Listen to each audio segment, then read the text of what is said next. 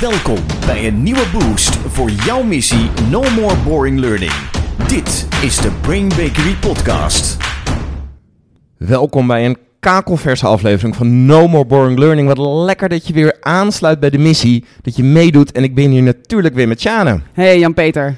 Sjane, in deze aflevering gaan we het hebben over misschien niet mijn lievelingsdoelgroep. het gaat namelijk over domme mensen. Ja, Ja, ja.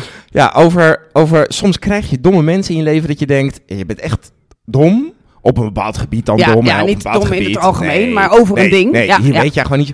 Maar je zegt dingen zo zelfverzekerd. Je hebt zo'n zelfvertrouwen erin. En daar gaan we eens induiken in deze podcast. Want dat is een, dat is een soort breinfenomeen. ja, dat zit inderdaad in het brein.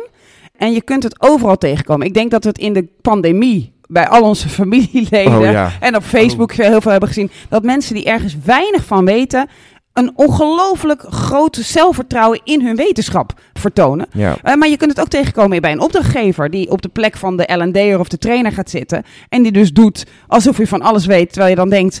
eh, Nou, nou, Ja. misschien valt het wel mee. Soms heb je ook iemand in de training die doet een bewering. En als je dan gaat denken van, hé, hey, wat interessant, waarom denk jij dit? En het klinkt zo zeker, dus jij zou vast hier iets geweldigs van weten. En je gaat graven. Dan blijkt er een soort Facebookgroep achter te zitten. of het stond op een kalender. Ja. Dus dan blijkt het niet zo, niet zo te zijn.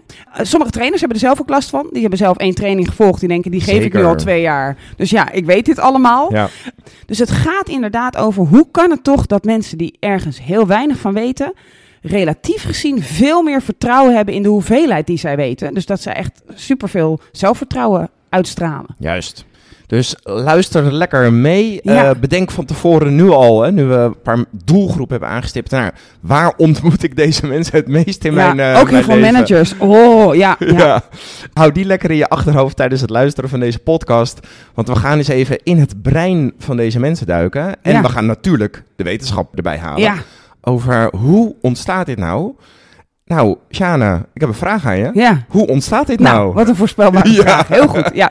Nou, het, het is ontstaan, dat is wel heel leuk om te vertellen. Eh, in 1995 was er een overval die helemaal misging.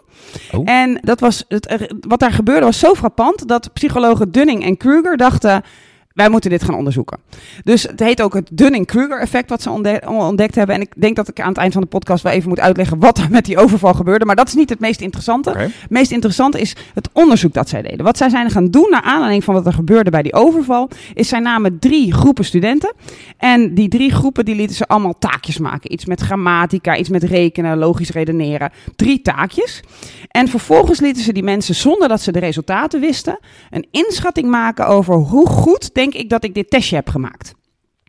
En Ja. wat daar uitkwam, was echt super verpand. Dat was de mensen die het slechtst, het laagst bleken te scoren, bleken het meeste zelfvertrouwen te hebben in: ik heb dit echt heel goed gedaan. Oeh. En mensen die het dus heel goed hadden gemaakt, die zeiden: Nou, ik denk dat ik zo'n beetje gemiddeld zit. Dat is wel apart, toch? Best wel shocking. Ja, Ja, dat dus, is wel apart. ja, dus eigenlijk een soort omgekeerd evenredig. Ja, ja. En dan gewoon omgekeerd iets. Ik scoor laag. Ik denk dat ik het briljant heb gedaan. Ik scoor heel hoog. Ik denk dat ik gemiddeld ben. Ja. En, en, En- voor de goede orde, dat wisten ze dus toen nog niet, hè? Toen ze nee, dat maar ze hadden dat vermoed. Ja, Het was wel ja. hun hypothese gebaseerd op wat er gebeurde met die overval.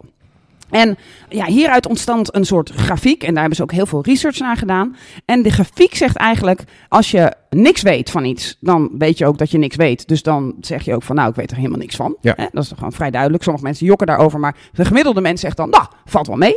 Eh, maar als je een klein beetje ergens van weet, dan, dan ga je dus pieken in je zelfvertrouwen. Je denkt, nou, ik heb dit net gelezen. Wow, ik weet eigenlijk alles hiervan. En dan klinkt het dus alsof je alles weet. En daar heeft dus ieder mens last van. Dus ehm, we hebben begonnen met domme mensen. Ook hele slimme mensen die dus, die trappen hierin. Die hebben een klein beetje wetenschap ergens van. En als je iets klein, ergens een klein beetje van weet, denk je nou, ik weet alles.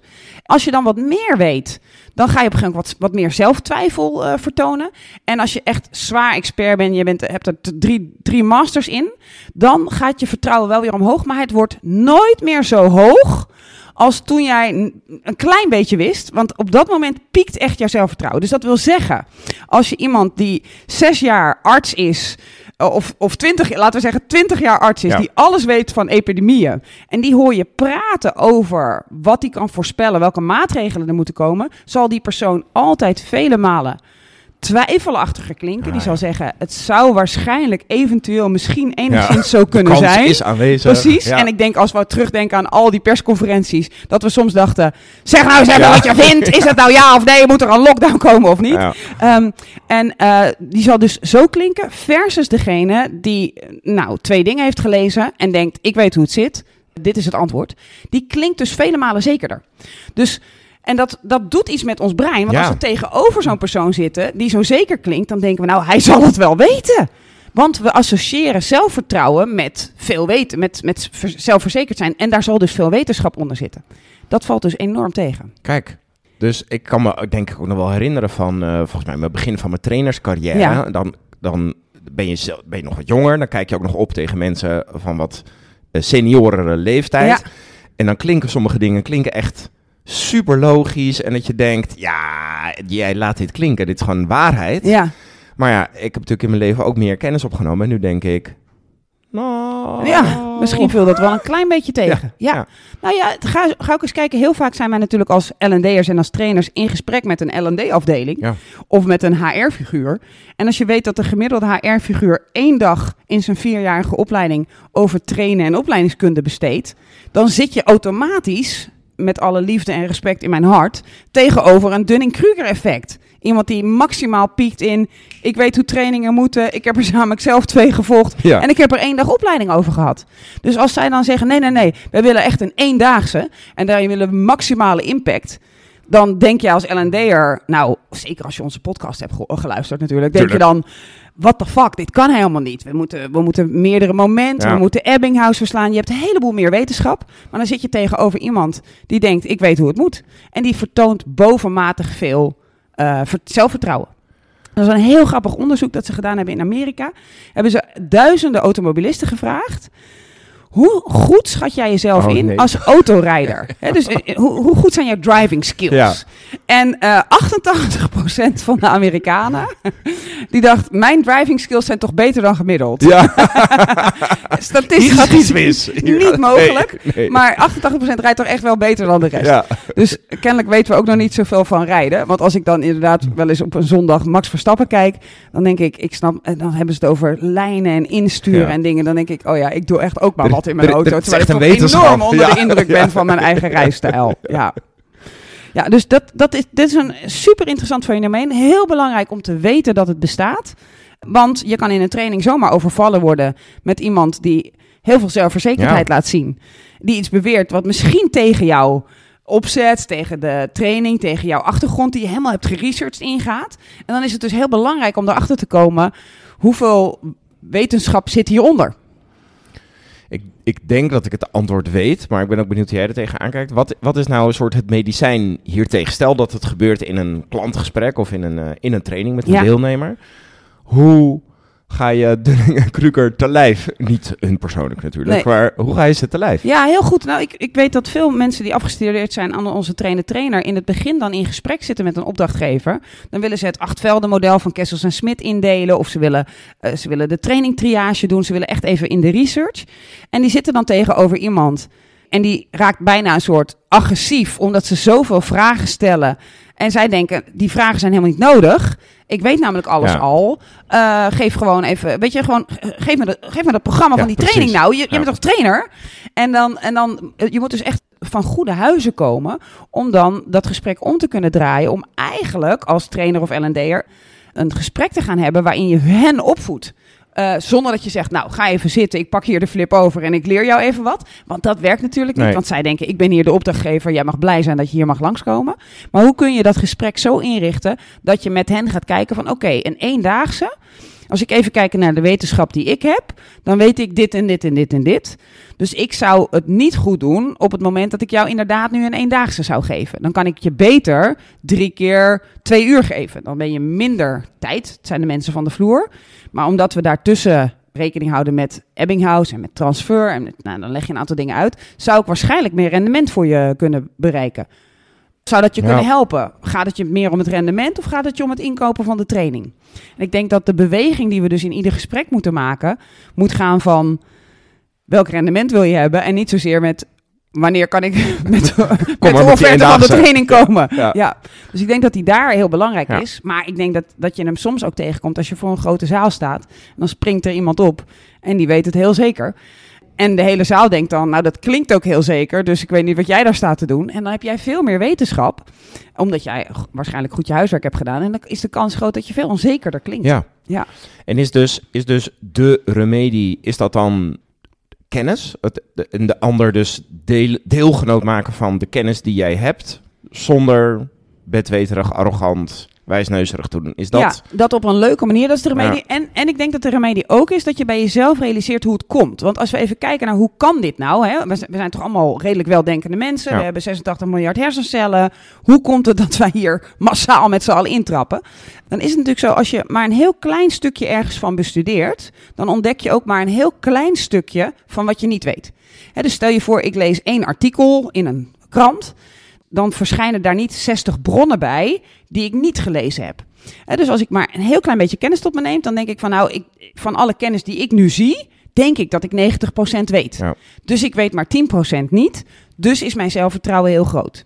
Terwijl als ik een vierjarige studie ergens naar doe, dan krijg ik een boekenlijst van hier tot Tokio. Maar in ieder boek staan ook weer 60, 70, 80, misschien wel 120 bronnen die ik niet heb gelezen. Dus wat er gebeurt naarmate ik meer weet, weet ik ook veel meer wat ik Wat niet, niet weet. weet. Dus op het moment dat ik veel weet, weet ik ja, maar er zijn nog 60 professoren in deze wereld die weten echt eh, 300 keer meer dan ik. Dus is mijn niet-weetstuk veel, eh, relatief veel groter dan mijn welweetstuk. Ja. Terwijl mijn welweetstuk misschien wel 100 keer groter is dan dat stukje van die beginner. Eh, en dus klink ik vertwijfelender, want ik weet wat ik allemaal nog niet weet. Terwijl diegene met gezegend met slechts weinig kennis denkt, nou ik weet ongeveer 10% niet, dus eh, trust me. en die knalt hem er gewoon in. Wat een bijzonder. Eigenlijk is dit, dit is dus ook een beetje een bord voor je kop. Het is een blinde vlek. Dat soort termen Ja. kun je hier een beetje opplakken. Die dus iedereen Ja, heeft, ook u, luisteraar. Ja. En, wij. En wij ja. dus ook. Ja, iedereen heeft hem. Ja. want het, als ik kijk, nou, ik noemde het net al, als ik kijk naar mijn. eh, het trainer is vaak een beroep, laat ik zo beginnen. Trainer is volgens mij vaak een beroep waar, waar je in rolt. Ja. De meeste mensen kiezen niet in een carrière test. Ik word trainer. Nee, er zijn ook nog maar heel weinig op de universiteit of op de HBO echt trainers af. af Ja. ja. ja, dat, dat Ja. gebeurt vaak pas later in je leven. Ja. Dus, dus ik rolde ook het vak in. Ja. En dan, nou, dat ging goed de eerste jaren. En dan boek je succes. En je merkt dat deelnemers het fijn vinden. En dan ben je na, eh, ik roep maar wat, twee, drie jaar, denk je echt. Ik ben senior. Ja, Man. ja. Yo. ik- ja. Yo, yo, yo. En dan denk je dus ook, ik weet nu echt heel veel van trainen. ja. Nou, eh, ik wil mezelf niet tekort doen. Ik wist ook wel wat van trainen en ik was volgens mij goed. Maar later krijg je meer kennis en dan denk je... Oh, er is zoveel meer. Ja. En, hand in eigen boezem, denk je ook... Oeh, ik heb ook echt dingen wel fout aangepakt. Ja. Ja, dus dat, dat ga je dan, dan pas realiseren als je dus die kennis zo, zoveel vergroot, waardoor je nog weer ontdekt, tering, dat weet ik allemaal niet. Ja. ja. Dus het is eigenlijk een hele lekkere plek om te zijn ook. Als je eh, in de begincurve van Dunning-Kruger zit, namelijk vrij weinig weten, en je daar echt gewoon onwijs goed over voelen. Ja. Ja. ja. En toch, maar dat is meer een persoonlijk noot, vind ik deze plek lekkerder. Ja, Omdat je we zeggen, ja, genuanceerder kunt nadenken Mm. over dingen. Wat meer echte rationele afwegingen kan maken. Ja. In plaats van, nou, dit is hoe ik doe. ja. hou allemaal je bek, ik heb ook een acht, laat maar zitten. dit is de ja. ingeslagen route, hier gaan we lekker op door. Maar ja, dat weet je niet natuurlijk. Je weet niet dat deze plek lekkerder is Nee, als je er nog niet Nee, zit. en, en, en het gaan naar deze plek is dus minder lekker. Hè? Dat, dat reisje, Ja, ja. het reisje van ik weet niks, nou ik weet een beetje en ik weet maar heel weinig niet, Ja. is natuurlijk een heel lekker reisje. Want dan voel je echt je kick-ass geweldig. Maar op het moment dat je die reis gaat maken naar meer nuance, dan zit je wel langer in de pijn. Dat is denk ik wel een goeie, want als we, we hadden het net over deelnemers in je Ja. training. Als jij dus als trainer weet, ik moet iemand even soort, ik moet tegen het Dunning-Kruger effect strijden met een deelnemer. Ja. Dan weet je dus, ik ga iemand op die manier wel een beetje pijn doen. Ja. Dus daar, daar moet je vanuit een, vanuit een liefdevolle plek, het, volgens mij moet je dat altijd Ja. met je deelnemer, maar dan moet je vanuit een liefdevolle plek mee omgaan. Ja. Want je gaat iemand dus onzekerder maken. Precies, precies. Ja. En soms moet dat dus als benefit voor de rest van de groep. Ja. Want anders denkt die rest van die groep, nou wat hij zegt klinkt zekerder. En wat die trainer zegt klinkt toch wel een beetje twijfelachtig. Ja. Maar dat is dus ook een hele goede, eh, goede methode om te kijken of iemand waarschijnlijk veel weet. Is, is er veel twijfeltaal? Is er veel, het zou kunnen dat, eh, maar er is een bandbreedte. Eh, ik zou niet met zekerheid dat willen zeggen, maar het is wel vrij voorspelbaar dat dit zo is. Als je zoiets hoort, dan weet je, oké, deze heeft ervoor gestudeerd. Eh, als je hoort, nee, zeker niet, dit werkt altijd, dan weet je, deze heeft er waarschijnlijk niet zo voor geleerd, maar gelooft het wel heel erg. Ja. Dus, dus eigenlijk hoe zekerder iemand klinkt, hoe meer je zou moeten twijfelen aan eh, de achtergrond van de kennis en de hoeveelheid Ja. kennis die hij heeft. Want waarschijnlijk is hij gezegend met maar 10% niet weten, terwijl er waarschijnlijk nog 1000% daarbovenop kan. Ja. Ja. Toen was er nog iets met een roofoverval. Ja, ja, Ja. in 1995 was er een overval in Pittsburgh. Dat is een geweldig natuurlijk, eh, prachtig verhaal. Het was MacArthur Wheeler. Die deed een bankoverval op klaarlichte dag. Twee banken overviel die. En hij zwaaide op een gegeven moment ook nog naar de camera tijdens eh, de overval, want hij zag dus dat er camera's waren. Hij was succesvol. Hij ging vervolgens naar huis met de buit. En toen kwamen de politieagenten, die, die zagen hem op die camera. Iemand herkende hem. En die zei, nou, dat is MacArthur Wheeler. Dus zij gingen naar zijn huis. En hij deed de deur open. En hij ziet die politie staan. En hij begint een beetje te lachen. En die politie denkt, nou, hij heeft wel door waarvoor we hier zijn. Ja. En hij zegt, eh, wat kan ik voor jullie doen? Waarom zijn jullie hier? En ze zeiden, nou, jij hebt net een overval gepleegd, gekkie. Eh, dat hebben we net gezien. en hij is echt verbijsterd, reageert hij. Hij reageert echt, nee, nee, nee, nee, helemaal niet. Nou, zeggen ze, we hebben jou gezien op camera. Nee, dat kan helemaal niet. Nou, en die politie denkt echt, is die man eh, een beetje niet helemaal goed onder de schedel, niet helemaal fris onder de schedel. Dus die nemen hem mee. En die man blijft maar een soort volhouden dat het echt niet kan dat ze dit weten. Dus ze besluiten op een gegeven moment, nou, kom maar kijken, hier sta je op camera. En op, op dat moment roept MacArthur Wheeler uit, roept echt uit, no, it can't be, you have doctored this. Hè? Dus hij, hij beweert zelfs, jullie hebben die camerabeelden, terwijl hij dat net smiddag zelfs heeft gedaan, die hebben jullie, hebben jullie vervalst. Dit kan niet, because I was wearing the juice.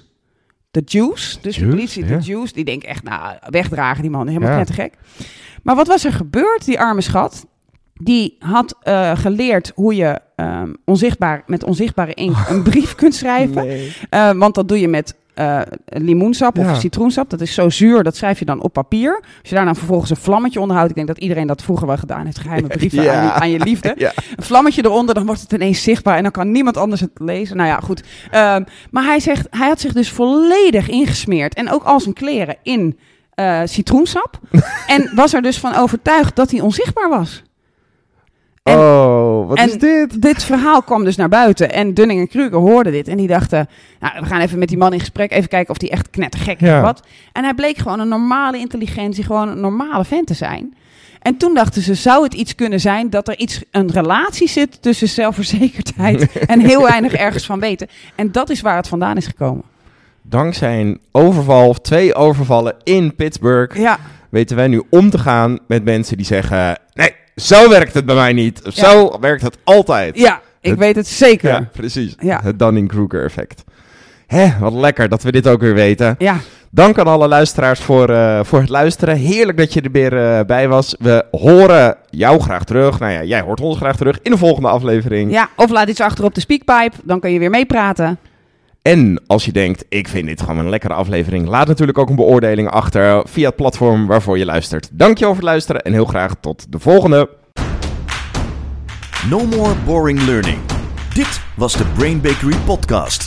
Wil je meer weten? Kijk dan op brainbakery.com of volg ons op onze socials.